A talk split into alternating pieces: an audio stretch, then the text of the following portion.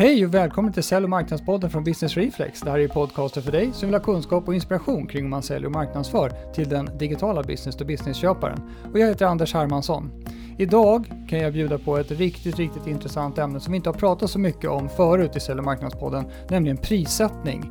Alltså det är en otrolig kraft i det här med att kunna sätta rätt pris till sina kunder. Naturligtvis för att man ska ha eh, ett attraktivt pris och kunna sälja mycket såklart. Men man måste ju ha, eh, man måste se till att man inte har ett för lågt pris så att man tjänar alldeles för lite pengar. Och det här kommer jag att prata om idag med en kille som har hållit på med det här i över 12 år, Kristoffer Sedfors från Verdane. Han är prissättningsexpert och det är honom jag ska intervjua i Sälj och marknadspodden idag. Så häng med på intervjun med Kristoffer Sedfors. Kristoffer mm. Sedfors, hjärtligt välkommen till Sälj och marknadspodden. Tack så mycket, roligt att vara här. Ja, men verkligen. Jag, jag hörde ju dig i ett webbinar om prissättning och jag tyckte du var så grym här och så, så tog jag emot dig och frågade om du ville vara med i podden och det är jag jätteglad för att du, att du ville. ja, men det är jättekul att det var uppskattat. Precis. Eh, det var ett tag sedan nu. Då, mm. då, det var innan du, för du började på Verdane sen efter det. Tror jag. Nu. Ex, exakt, exakt. Så jag har egentligen eh, nu arbetar jag på Verdane som ju är en, en mellanstor private equity-spelare och eh, med en roll egentligen att hjälpa våra innehav eh, bli bättre inom prissättning framför allt, men även andra kommersiella funktioner. Men innan dess så var jag eh, på olika konsultfirmor i sju år, arbetade med prissättning mestadels och innan det eh, inom industrin, ett, telekom, IT, tillverkning, arbetade mesta, mesta tiden med prissättning. Och det är lite lustigt för att det var ett ämne som jag inte ens visste man kunde arbeta inom och så har man arbetat nu i 12 år med, med samma lilla nisch. Det var... Just det. Ja, men det, Alltså det är ett viktigt område och eh, jag tänkte vi, vi, vi hoppar rakt in här i, i själva ämnet. Mm. Så här, varför ska man hålla på och bry sig om det här med prissättning då som du nu har gjort i 12 år? Ja, det vore ju tråkigt om vi kommer fram till att det inte var så viktigt. Eh, då får jag byta karriär. Men egentligen, alltså det, det, det vad jag tycker är så roligt med prissättning är att det är verkligen det kokar ner alla olika beslut som firman gör kokas egentligen ner i priset som man ska försöka ta ut. Och det gör jobbet med prissättning väldigt roligt för att man får, liksom, man får ha åsikter om eh, vad alla andra gör. Men, men framför allt så blir det otroligt viktigt att faktiskt eh, ha koll på sin prissättning. För det är det man använder för att kommunicera sin, sin, sin produkt eller tjänst. Man använder det för att såklart få in nya kunder, behålla gamla kunder. Ja, och till syvende och sist betala, betala kostnader och räkningar. Och så att det är en viktig grej att, ha koll på, men också är den väldigt effektiv. Man, om man tänker att man, eh, om man förbättrar sin prissättning med 10% man höjer priserna med 10% då är det ju faktiskt 10% som hamnar rakt ner på bottenlinjen. Ja, Medan förbättrar du, förbättrar du din COGS, dina mm. inköpspriser med 10% då får du ju inte alls ut samma hävstång. Nej. Och oftast alltså förbättrar du dina fasta kostnader med 10% Jo, men, liksom, ja, men det märks knappt. Nej. Så att vill man ha stor effekt i sin, eh, i sin lönsamhetsökning så är verkligen prissättning det absolut mest effektiva. För det är ju samma sak, börjar du sälja 10% mer, ja, men då har du ju också 10% högre COGS. Men höjer du priset så får du samma, liksom, då, då får du en COGS-fri intäktsökning. Just. Så att det är otroligt eh, viktigt och sen skulle jag säga att det är lite eh, eftersatt. Framförallt svenska, alltså det kommer ju egentligen från amerikanska flygbolag. Det var de som började med prissättning på allvar. Eh, det är därifrån det kommer och sen så har det liksom olika amerikanska industrier har blivit bättre på det och sen har det kommit över till Europa och nu så är det någonstans. Sverige börjar väl, jag har sett stor skillnad här de senaste tio åren när fler och fler svenska stor och, och mellanstora bolag faktiskt börjar anställa prissättningsexperter. Eller Just det. För jag tänker så här, prisdynamiken och sånt, som du säger inom flygindustrin, där de kanske höjer och sänker priset, vet jag, beroende på väderprognoser och allt möjligt. det, det, är säkert väldigt utvecklat, men som vanligt kan man väl säga, inom B2B så ligger vi liksom lite efter och vilar oss mot eh, så här gamla, gamla rutiner liksom. Ja, och alltså B2B-prissättning har ju den fördelen att den är inte lika, vad ska vi säga, det, det är inte lika farligt att gå fel skulle jag säga. Eh, för att man har ofta en säljare som kan rädda upp det. Mm, just det. Medan i en, en liksom B2C-miljö eh, så är det, jo, men man, och framförallt i gamla tider, jo, men man satte upp en prislapp. Och så var det ganska svårt och mäckigt och kostsamt att, att ändra det priset. Ja. Nu håller det där på att utvecklas, men jag tänker att B2, B2B har inte haft samma tryck för att man har alltid den här lilla gummisnodden som säljaren är. Men där ser man ju också att många, många bolag, framförallt som vi arbetar med, vill ha åtminstone en del av sin affär helt, eh, alltså no touch. Just det. Då, måste du, då blir det ju en, en konsumentprissättning eh, som måste Exakt. till. Man måste vara, man har sitt 49,90 pris ja. och det är det som folk köper på. Så att det, det händer saker även i B2B.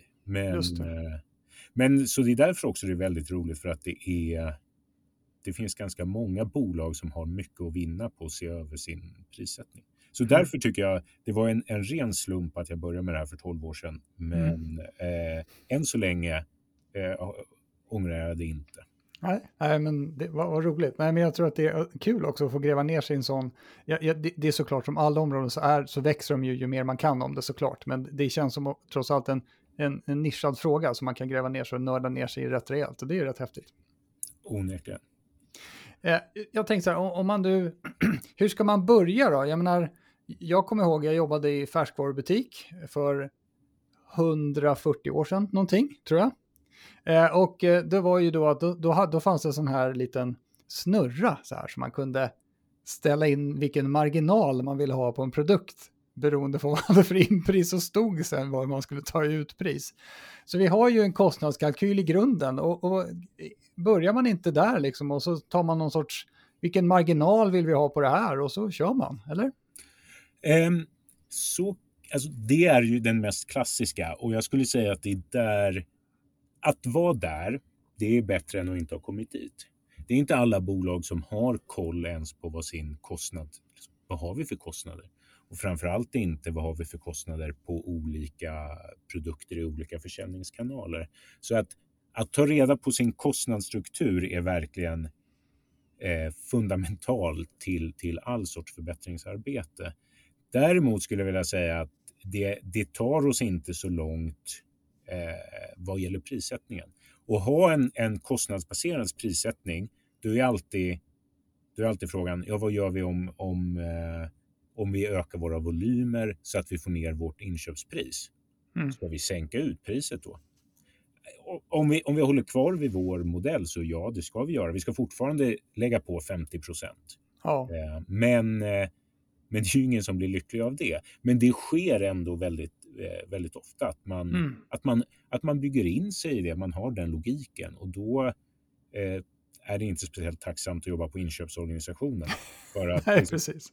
Var, men så att det är egentligen det är första steget, att ha koll på sin kostnad och sen börja lägga på en marginal. Då har man ändå någon sorts grund att stå på. Men det är också verkligen bara det första steget. Om vi säger den heliga graalen inom B2B-prissättning är vad man brukar kalla värdebaserad prissättning. Just det. Och det är ju jätte... Kan vara, det kan låta väldigt eh, komplext och det kan också vara väldigt komplext. Men, men det handlar mer om att verkligen förstå vad är kundens alternativ till att köpa min pryttel? Mm. Och är det att köpa en konkurrens nästan lika bra pryttel? Eller är det att, att eh, konkurrenten är egentligen en praktikant och Excel?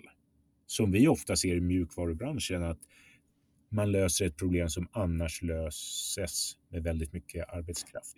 Ja, precis. För som man tänker ur, ur leverantörsperspektiv inom B2B, då är det ju ofta en, en rikt, som du säger, en riktigt stark konkurrent, det är att affären inte blir av. För man tycker att man förstår liksom inte kostnaden av att inte göra affären. Eh, så då Nej. blir värdet svårt att inse. Exakt, och där är det väldigt mycket av liksom sälj och marknadsorganisationens jobb att, att, eh, att lära upp kunden. Liksom, vad är faktiskt värdet av att använda min lösning eller någon lösning? Alltså det kanske är där man får börja. Att, eh, Just det. Ska, ska ni börja använda en, eh, en spikmaskin istället för att hamra själva?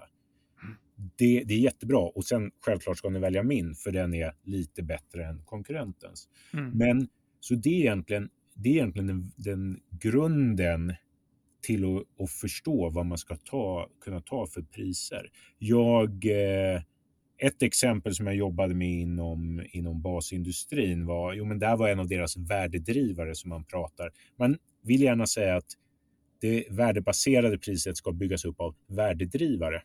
Så att man då ska kunna artikulera det ur en säljperspektiv. Då, då var det en säljchef som sa att ja, vi har gjort det här sedan 1880. Mm. Konkurrenten började först 1910. Och då förstod vi inte, okej, okay, okej, okay, men spelar det någon roll? Men han tyckte, han hade varit i branschen jättelänge och tyckte det var ett jättebra argument. Ja. Men, eh, men det var svårt för oss att sätta då eh, en, en, en krona och öre-värde på de där 10 åren eller 30 åren för 100 år sedan. Ja. Eh, men vad han egentligen ville säga är ju det här, jo men vi har en väldigt tillförlitlig produkt som kommer fungera i er produktion, för de här låg väldigt långt bak i, i värdekedjan. Och då är det, liksom, då det man säljer är tillförlitlighet. Att vi mm. vet att det här insatsmaterialet kommer inte skapa problem längre ner i värdekedjan.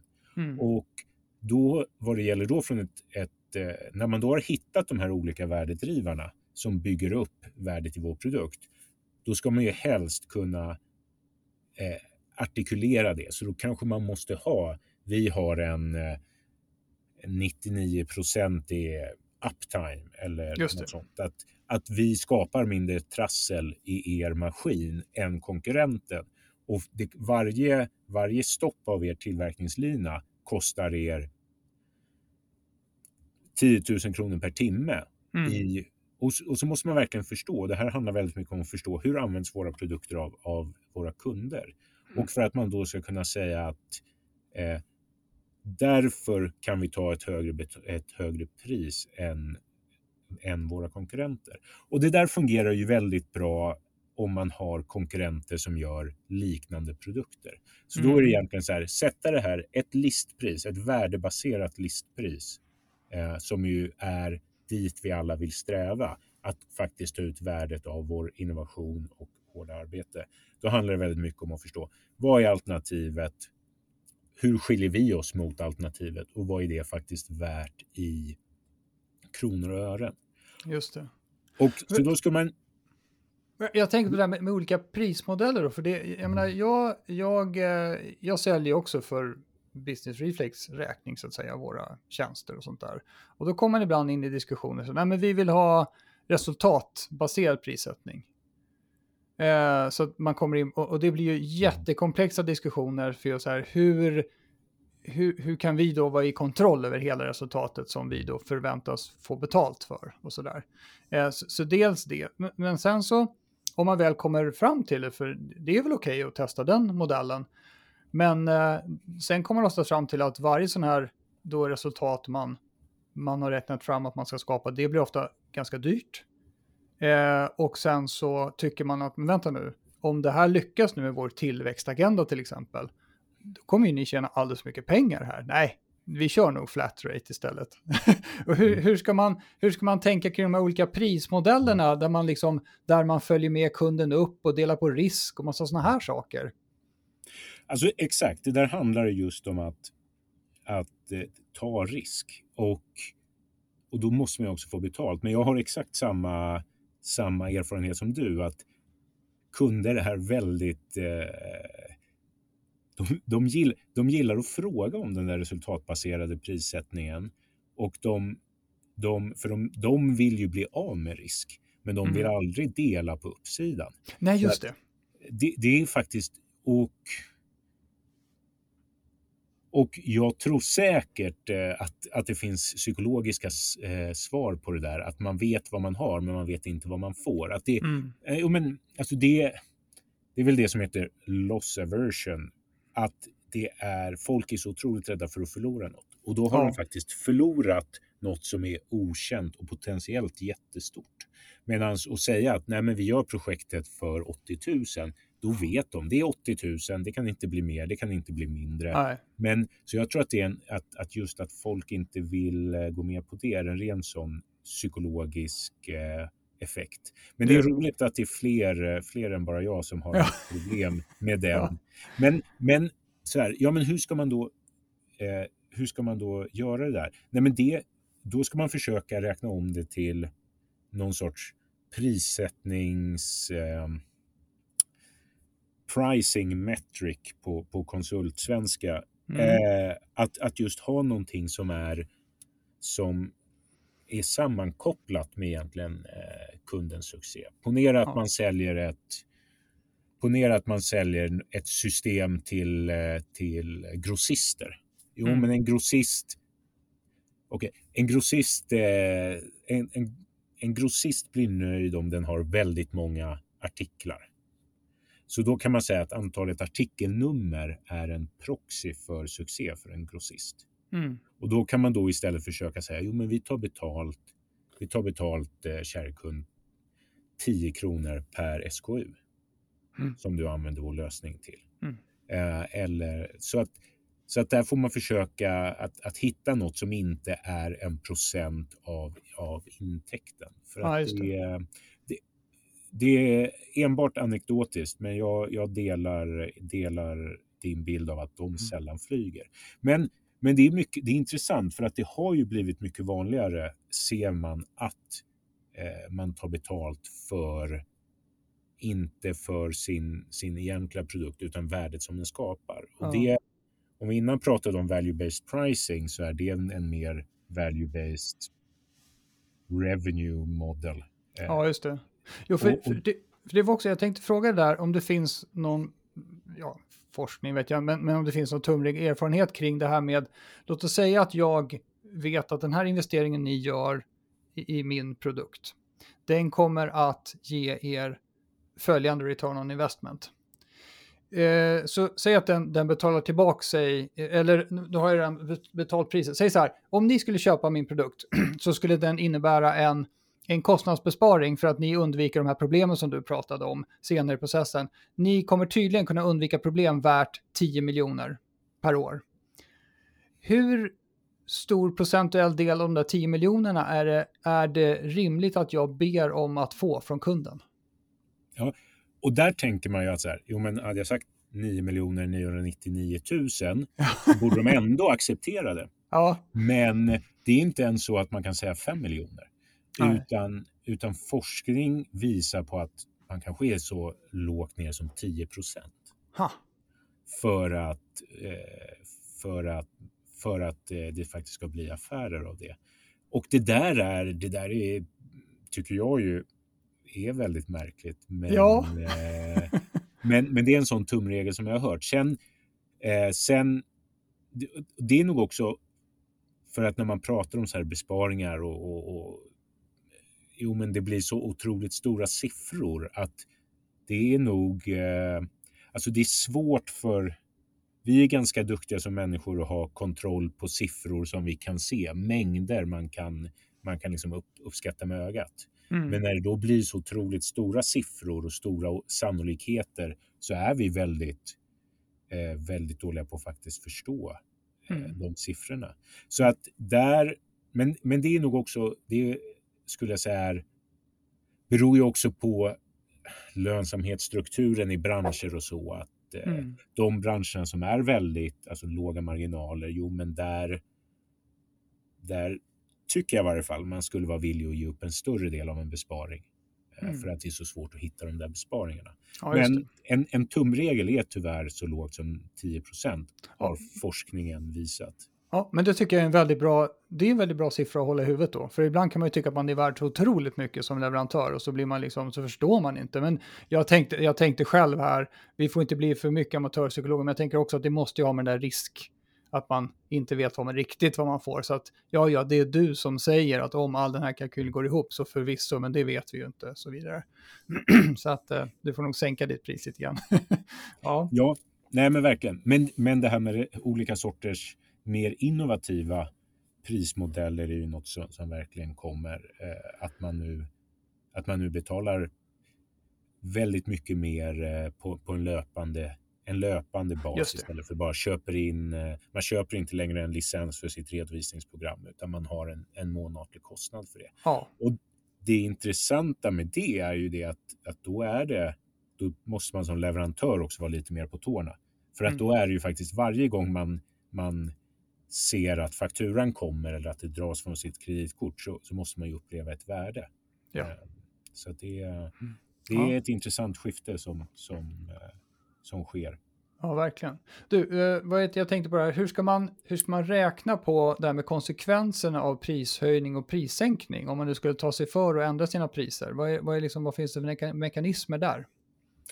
Ja, där finns ju egentligen den, den klassiska utbud och efterfrågekurvorna från, från alla som har läst nationalekonomi någon gång i tiden, så är ju det, det är ju det man, det är drömscenariot att förstå. Om, okej, okay, hur många pryttlar kan vi sälja? Hur många fler pryttlar säljer vi om vi höjer priset med 10 procent? Mm. Eller hur många, eh, hur många fler säljer vi om vi sänker? Och, och så, hur ser den där kurvan ut? Det är dock otroligt svårt att eh, få koll på det. Man kan göra olika, eh, olika sorters kundenkäter. Väldigt mycket inom B2B också. Kundenkäter ska man absolut inte tänka bara är consumer-grej utan funkar mm. otroligt bra inom B2B. Men så att det finns vissa eh, sådana tekniker man kan uppskatta det på. Men det brukar ofta bli eh, en, en falsk trygghet. Det är egentligen en modell som, som jag brinner väldigt mycket för är, är den, den interna efterfrågekurvan, kallar jag den ibland. Och då, den är väldigt enkel att räkna ut. Det är egentligen bara det att man har, man vet hur mycket, man vet sitt täckningsbidrag som man vill ha. Eller mm. som man kanske har nu. Låt oss säga att vi har ett täckningsbidrag för, för vår, vår, vår spikpistol X. Jo, ja. men vi vet att vi tjänar, att vi får in så här mycket pengar i slutet av året på, på, pris, eh, på spikpistol X till vårt nuvarande pris. Då kan man kolla, då vet man hur, mycket, hur många eh, spikpistoler säljer vi och, och till vilket eh, snittpris. Och då kan man räkna, givet att vi vill ha, få in samma täckningsbidrag i slutet av nästa år, vad, hur många fler måste vi sälja om vi sänker priset? Ja, respektive hur många färre måste vi sälja om vi höjer priset? Och där, det låter som, eh, det, det, det låter banalt, men den insikten, speciellt om man har ganska tajta eh, marginaler, så är det det händer saker som man, som man blir förvånad över. Ofta brukar det vara så att man måste sälja otroligt mycket mer vid en ganska låg prissänkning. Mm. Så att, eh, och på samma sätt att man måste sälja, att man, in, att man kan tappa ganska stor volym om man höjer priset med 5% Så att det där är, det är nästan något som, som alla borde ta och göra, försöka förstå för att behålla min nuvarande eh, lönsamhet. Vilka olika pris och kvantiteter måste jag sälja? Det där mm. är faktiskt en sån en, en, en annan gammal krigshistoria. Det var egentligen så Electrolux började med prissättning mer eh, på, på en strukturerad nivå när försäljningschefen i Europa förstod hur mycket mer att, att om dörr, dammsugarförsäljaren ger 10 rabatt, ja, det är otroligt många fler eh, dammsugare han då måste sälja för att få in samma peng. Just och det. det där, framförallt säljorganisationer, eh, gillar ju att ha möjligheten att ge rabatt. Men då måste mm. man också se till att de förstår hur mycket mer de måste sälja. Så där är ett klassiskt knep att bara göra en tabell med volym och pris och eh, laminera och ge till sina säljare. Så mm. förstår de det och så får de ta beslutet. Mm. Men, men de ska inte ta beslutet i, i någon sorts falsk visshet om att ja, ja, det är bara 10 procent. Ja, just det. Om man tar beslut affär för affär, då blir det ganska jobbigt sen i slutet på året. oh ja, oh ja. ja.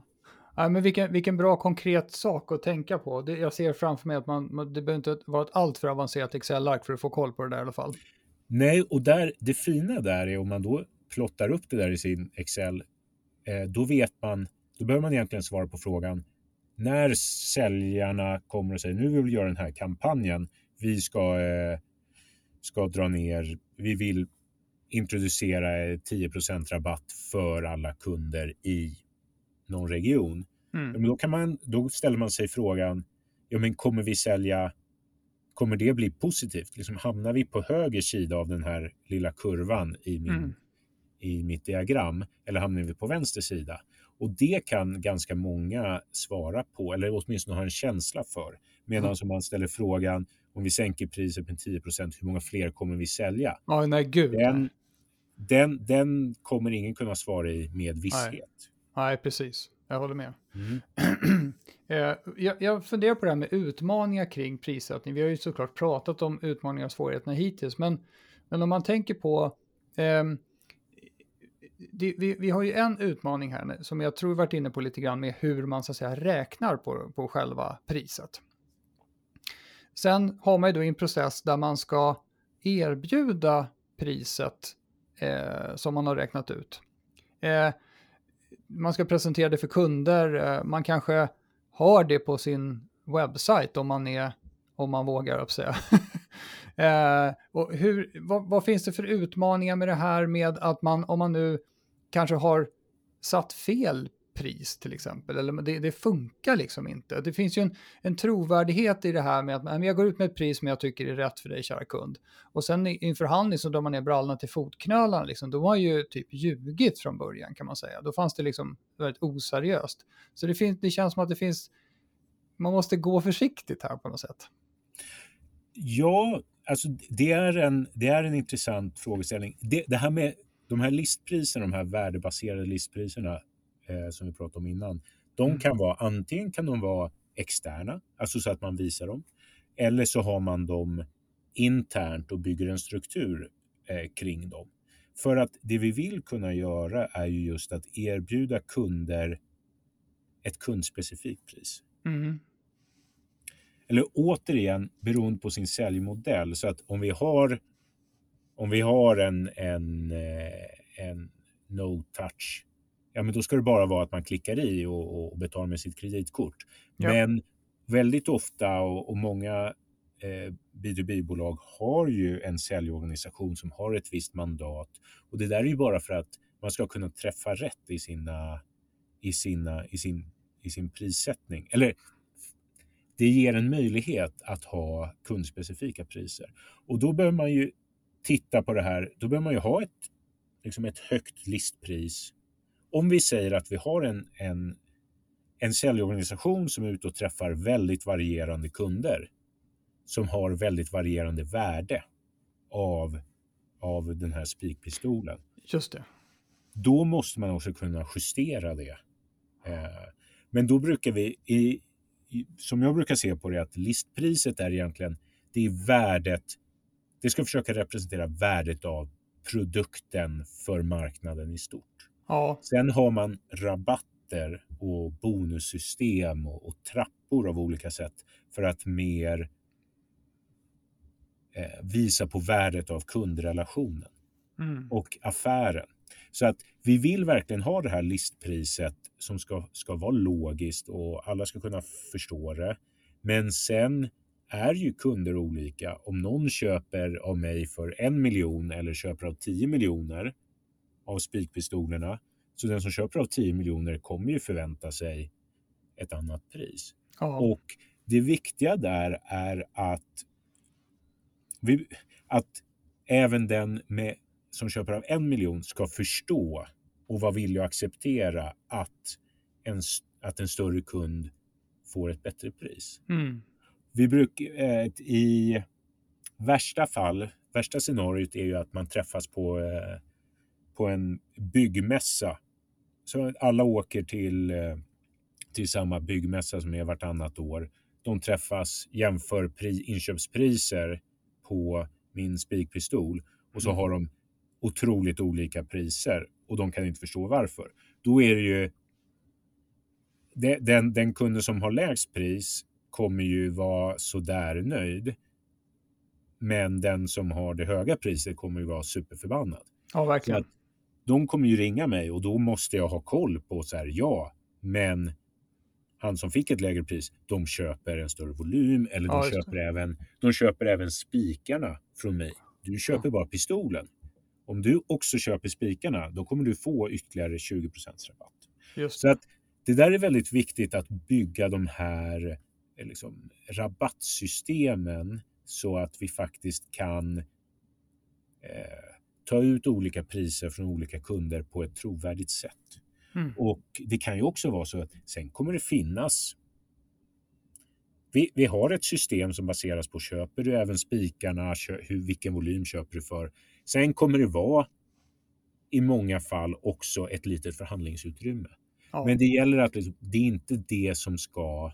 Helst ska man slippa det också. Så här, mm. Säljarna ska prata värde och om, om, om kunden inte vill betala det så, så är, man ska inte man ska inte bara ge en rabatt för att få, liksom, få affären utan då är det mer att då ska man säga men då, då får vi liksom, paketera om affären på något annat sätt så att vi kommer ner i pris. Ja. Försöka ta liksom, en klassiker, jo men ähm, credit terms. Ja, just det. Betalnings, att man, ja, eh, att, att, man säger, ja men, men eh, du, du brukar ha 90 procent, eh, 90, 90 dagar. dagar. Mm. Men vill du, ha, vill du ha ett lägre pris, ja men då, då blir det 30 dagar. Just det. Och då åtminstone så säger man att jo, men det, det är ett givande och tagande i affärsrelationen. Mm. Ja, och så kan man också förklara för, för andra varför eh, kunden har då fått ett olika pris. Så att mm. det där är väldigt viktigt att försöka strukturera varför man vill ge rabatter. Mm, vad vill det. vi se? Vad är en bra kund för oss? Jo, men det är någon som köper ett komplett sortiment. Ja, så köper man ett komplett sortiment så får man 10% extra. Mm. Köper man, har man korta betalningstider, då får man ytterligare 2% Det är väl otroligt vanligt i Tyskland att man får kontantrabatter. Eh, brukar vara 3% kontantrabatt. Eh, men, och, och, det är ju en sån sak som är som man åtminstone kan ha som ett, en förhandlingspunkt. Men ja. otroligt viktigt att, att fundera på vilket beteende vill vi uppmuntra av våra kunder? Ja. Det... ja bra, bra poäng där, för att ofta kan det vara så här att man vill ha in affären så att säga, så blir man känslomässig och så bara ger man rabatt för att få stänga ordern. Och, och, då finns det ingen logik bakom det förutom att man var känslomässig och ville stänga ordern. Så då kan man inte motivera det för någon annan i hela världen egentligen. Nej, absolut inte. Och, och, alla affärer kommer vara strategiska när man bara mm. tittar på den lilla affären. ja, alltså det, är, det, är, det är väldigt vanligt att jo, men den här var väldigt viktig. Och så finns det väldigt många bra känslomässiga argument bakom det. Men det är där det är viktigt att liksom sätta, sätta ett system så att Eh, så att sälj, säljarna ska inte behöva liksom, ta individuella sådana beslut där med, eh, med eh, liksom, sitta där med pennan och, och känna mm. trycket. Nej, precis. V vad skulle du säga, erfarenhet, och det kanske blir en del repetition det du har sagt, men vad, om du, de bolag du har jobbat med, så här, vad, vad, är vanligaste misstagen som du ser att, att man gör kring prissättning? Nej, men, men det är att, att man, all, man gör som man alltid har gjort. Mm. Och det är för att man lärde sig av eh, Lasse uppe i Uppsala som sa ah, men 32 procent marginal, det brukar vi ha. eh, och ja, men han slutade för 15 år sedan, men det där 32 procent sitter kvar och så har man mm. det plus minus 5. Att man gör som man alltid har gjort. Och, eh, och också det att man inte att, att man inte vågar höja sina priser. Så att, att man gör som man alltid har gjort och det brukar ofta betyda att man inte vågar höja sina priser. Ja. Och eh, det är jättejobbigt första gången. Det är jobbigt den andra gången. Den tredje gången, ja men då sitter det i, då, dels har man vant sin egen organisation mm. och ta de dialogerna, men sen har också kunderna vant sig. Mm. Att här, varje år så får vi en reviderad prislista. Ja. Och det kommer att vara att vissa grejer har gått upp mer, andra har gått upp mindre. Någon mm. kanske har sänkts. Men att man just bygger in det, vänjer kunderna vid att vi skickar ut en ny prislista i, i, i sista kvartalet som gäller inför nya eh, nästa år. Och då kan man ju, nu gillar jag ju inte när man ger rabatter, men då kan man ju använda att så här, så se till att köp på den gamla prislistan första januari börjar det nya. Ja, just det. Precis. Då ger man ju också kunden möjlighet att, eh, att, att köpa upp på sitt, eh, Ja, sitt behov.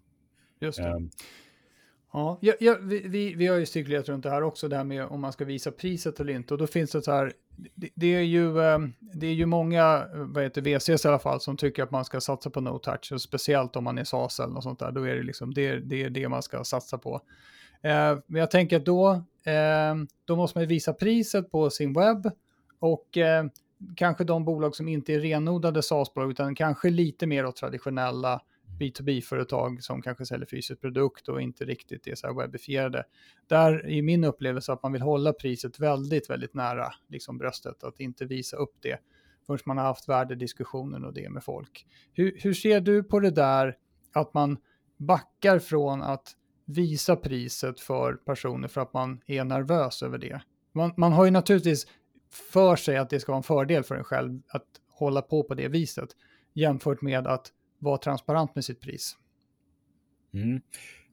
Det, är en, alltså, det är en intressant fråga och jag skulle säga att om man, är, om man inte vågar ha sitt pris eh, på sin hemsida, då artikulerar man inte sitt värde tillräckligt bra på sin hemsida. Mm. Det är väldigt ofta vi tittar på olika bolag och så gör de en, liksom en, en feature dump. De skriver jo men det här får du, det här får du, men inte vilket värde det skapar.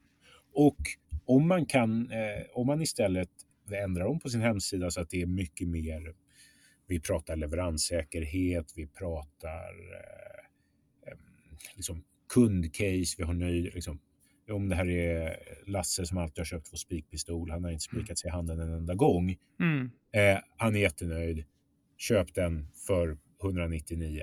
Eh, då kan man göra det mycket enklare. Men en variant av det är att man har ett par olika produkter. Så att vi säger så att man har liksom no-touch-alternativet är jo men köp, eh, köp den för 199 här. Eh, eller liksom vill du ha en, en större lösning? Kontakta Ja, just det. Ja, just det, precis. Men så att den klassiska ring eh, och så här, de, de, eh, de priskänsliga kunderna kommer ju ringa ändå. Ja, Om de ser att priset är, är åt skogen så kommer de ju ringa ändå. Om man har liksom sålt tillräckligt bra på sin hemsida. Så jag Ja. tycker man ska ha... Låt, låt mig omfrasera det där. Jag tycker, jag tycker man ska ha... Eh, I vissa fall ska man visa det, i andra fall ska man inte. Allt beror på hur spannet av egentligen eh, värde som man levererar. Är, vet man inte om personen som kommer in på hemsidan, är, kommer han spika en gång eller Mm. kommer han spika eh, liksom varje dag i tio år? just det. Är det den spannen, är det den, den spreaden på liksom värde som man levererar, då är det väldigt svårt att säga ett pris på hemsidan. Mm. Eh, är det däremot att jo, men de flesta köper den här produkten, de använder det liknande, vi har plus minus 10 procent i våra priser egentligen. Jo, men då kan man sätta priset där. Ja, just det. Och sen, Och sen just det där med att vi riktar oss till vissa, en viss målgrupp. Som vi säger så här, vi har, gjort hela, vi har byggt upp hela vårt bolag för att vi, vi riktar oss till folk som spikar minst 10 000 spik per, per år. Liksom. Eh, så då struntar vi om han som egentligen borde gå till Jula surfar in på vår eh, sida och tycker att det är alldeles för dyrt. Det är fine. Så då blir det, om man fattar ett strategiskt beslut kring det då. Exakt, exakt. Och där tycker jag egentligen var... Eh, jag tycker om det du sa, att man har fattat ett strategiskt beslut om att inte gå efter en viss typ av kunder. Mm. För det är också något som vi ser väl, väldigt ofta. att så här, man, vill, man vill sälja till alla. Man, man vill inte säga nej till en affär. Och det är väl det är ju jättecharmigt och jag förstår, jag förstår det känslomässiga i det. Men det är också, då har man inte tagit, då har man inte tagit eh, några som helst strategiska beslut. Att, jag brukar säga att, att ta strategiska beslut är att säga nej till saker. Det är, det är faktiskt ett beslut. Och säga ja är inget beslut. Eh, så att där är det också jätteviktigt att man segmenterar sina kunder. Ja. Även, alltså, även om man säljer även om man säljer till eh, alltså, väldigt nischade eh, B2B-kunder så finns det ju flera olika segment. Ja, Och då gäller det att veta var är det vi skapar mest värde? just det. Och då kan man, då kommer man fram till, ska vi sätta, då kan vi sätta priset som är ungefär acceptabelt för det segmentet. För de andra segmenten, vi kanske inte tjänar några pengar på dem. Alternativt ska de ha en annan produkt. Så att Ja, väldigt mycket av, av liksom prissättningen måste baseras på kundkännedom. just det. Ja, jag, jag brukar ju, jag, jag, känslomässigt så, så förespråkar jag det där med att man ska vara transparent med sitt pris. Eh, och så brukar jag hota med att säga att om det är någon konkurrent i din bransch som kommer på en prismodell och, och eh, som de kan kommunicera, eh, så kommer de att vinna. För att kunder gillar enkla köpresor och det är definitivt någonting som underlättar en köpresa, det är om man vet vad det kostar. Eh, det brukar jag i alla fall hota med, det brukar typ aldrig funka, men jag brukar i alla fall säga det. Ja, nej men verkligen enkelhet, i- enkelhet i prismodellerna och det är även det här vi vi pratade innan om, men ska man ta betalt för, för spikad spik istället för Mm. spikpistolen? Ja, om det är, liksom, det ska vara, det ska vara enkelt, det ska, det ska vara sammankopplat med värdet som kunden Mm. ser och det ska också vara någonting som vi faktiskt kan följa upp på. Ja, Eh, jo, men vi kanske kan följa upp på antal spikade spikar om vi har en liten sändare i spikpistolen som skickar det varje månad.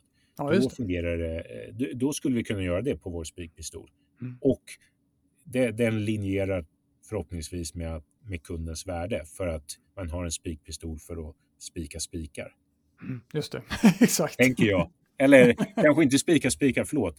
Fästa samman. Fästa samma sak material. med spik, just det. Ja, Precis. Så att eh, det måste, man måste väldigt... Det är nog ett... Tillbaks till, till frågan vanliga misstag. Jo, men man har egentligen för dålig kunskap om hur, hur min produkt skapar värde för, eh, för kunderna. Ja, just det. Ja, men grymt. Det, det var också just att tänka utifrån och in är bra där. Att, att istället för att tänka inifrån och ut. Så vi, vi har alltså, man ska försöka sammanfatta, jag vet inte om jag klarar det, men vi hade alltså eh, varför man ska bry sig om prissättning, det är ju för att det kan ge en otrolig hävstång. Eh, speciellt om man tittar, alltså omsättningsmässigt så förstår man logiken i att 10% rabatt blir ju lägre omsättning, men just på marginalen, där blir ju hävstången så grym. Så där far det ju åt alla håll och kanter. Och kan man då använda sig av den här lilla kurvan i, i Excel där för att förstå vad det är man faktiskt diskuterar i form av pengar. Vi ska ha in samma marginal i slutet av året eh, och hur många fler måste vi sälja om vi nu sänker priset med 10% vilket kanske är typ 90% av vår marginal. Okej, det blir ganska många fler. eh, så.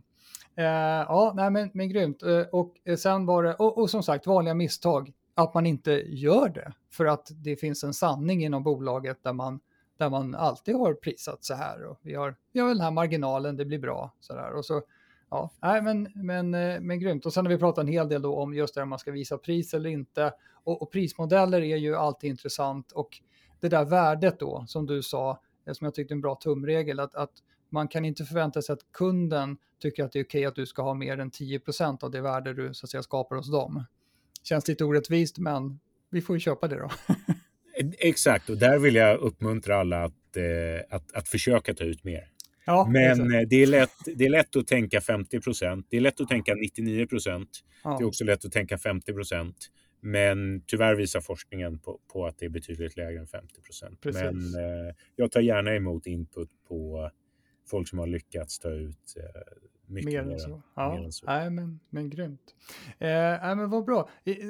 Jätteintressant diskussion och det här är ett ämne som jag tror vi behöver prata mycket om naturligtvis, eh, för det är eftersatt. Man vill bara dra in affärer helt enkelt, lite grann om man då ska vara lite rolig till vilket pris som helst, så att säga. Eh, vad, om vi nu säger så här, okej, nu har vi, nu har vi eh, framförallt du naturligtvis gett dig din fina kunskap om det här med, med priser. Vad, vad skulle du föreslå att, att eh, nå vdn, säljchefen, eh, marknadschefen som lyssnar på det här, den här podden ska göra härnäst? Vad är, vad är det man, vilken tråd ska man börja dra i? Ja, men jag skulle slå ett slag för, för kundkännedom. Det låter, det låter trivialt och tråkigt, men gå ut och prata med kunderna. Hur använder ni vår produkt? Vad gör ni om ni inte har vår produkt? Eh, vad skulle ni mer kunna använda vår produkt till och vad har ni för andra problem som mm. vi kan hjälpa till att lösa? Och sen också försöka liksom, strukturera upp det i olika kundsegment som faktiskt har olika behov. Eh, mm. Det är verkligen den, den, första, det är den första delen. Gör en kundsegmentering mm. och, och sen börja höja priserna. Ja, antagligen. Jag vet, inte, ja, jag, jag vet inte om det är så här inflation skapas på, på poddar, men, men, men nu finns det ju faktiskt ett gyllene tillfälle att alla pratar inflation. Eh, ja. ja. ja. Så att, eh, det är bara att gå ut och säga att den har även drabbat mig. Ja, just det, precis. Mm. Ja, men grymt Kristoffer, tack snälla. Vad, heter, vad, vad, kan folk nå dig om de skulle vilja få tag på dig efter det här?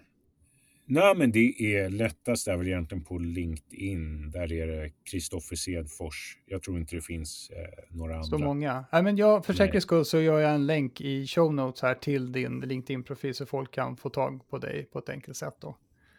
Det är du välkommen. Ja, men tusen, tusen tack Kristoffer. Jättesnällt för att du, att du vill vara med och dela mer av din kunskap här på Sälj och marknadspodden. Jätteroligt att vara med. Ha det bra, hej då. Toppen, tack, hej då. Det var allt vi hade att bjuda på idag från Sälj och marknadspodden. Hoppas att du tyckte ämnet var intressant. Jag tycker att det är mycket intressant och ett viktigt ämne att prata om och försöka göra någonting åt. För att vi kämpar ju oftast på att få nya kunder Eh, och se till att stänga affärer och behålla kunder som vi redan har och så vidare. Och ibland förresten så behåller vi kunder som inte är speciellt lönsamma heller, mot all logik. Eh, men det här med prissättning, det är en fråga som inte diskuteras tillräckligt mycket. Så ta tag i det här nu och följ Kristoffers råd. Se till att få superkoll på vilket värde ni faktiskt producerar eller skapar hos era kunder. Börja prisdiskussionen därifrån så att ni hittar rätt här. Och om ni har en komplex kundstruktur, se till att ni segmenterar en marknad och se till att det finns logiska skillnader i prissättning till de här olika kunderna. Och så måste jag då min käpphäst, försök pressa er själva till att hitta en prismodell där ni vågar så att säga sätta ut priset på er produkt på eh, sajten i offentligheten. Jag tror det kommer att hjälpa mycket i de här diskussionerna. Men faktiskt så är det så här att om ni gör någonting där ute så ska ni faktiskt vara relevanta. Hej då!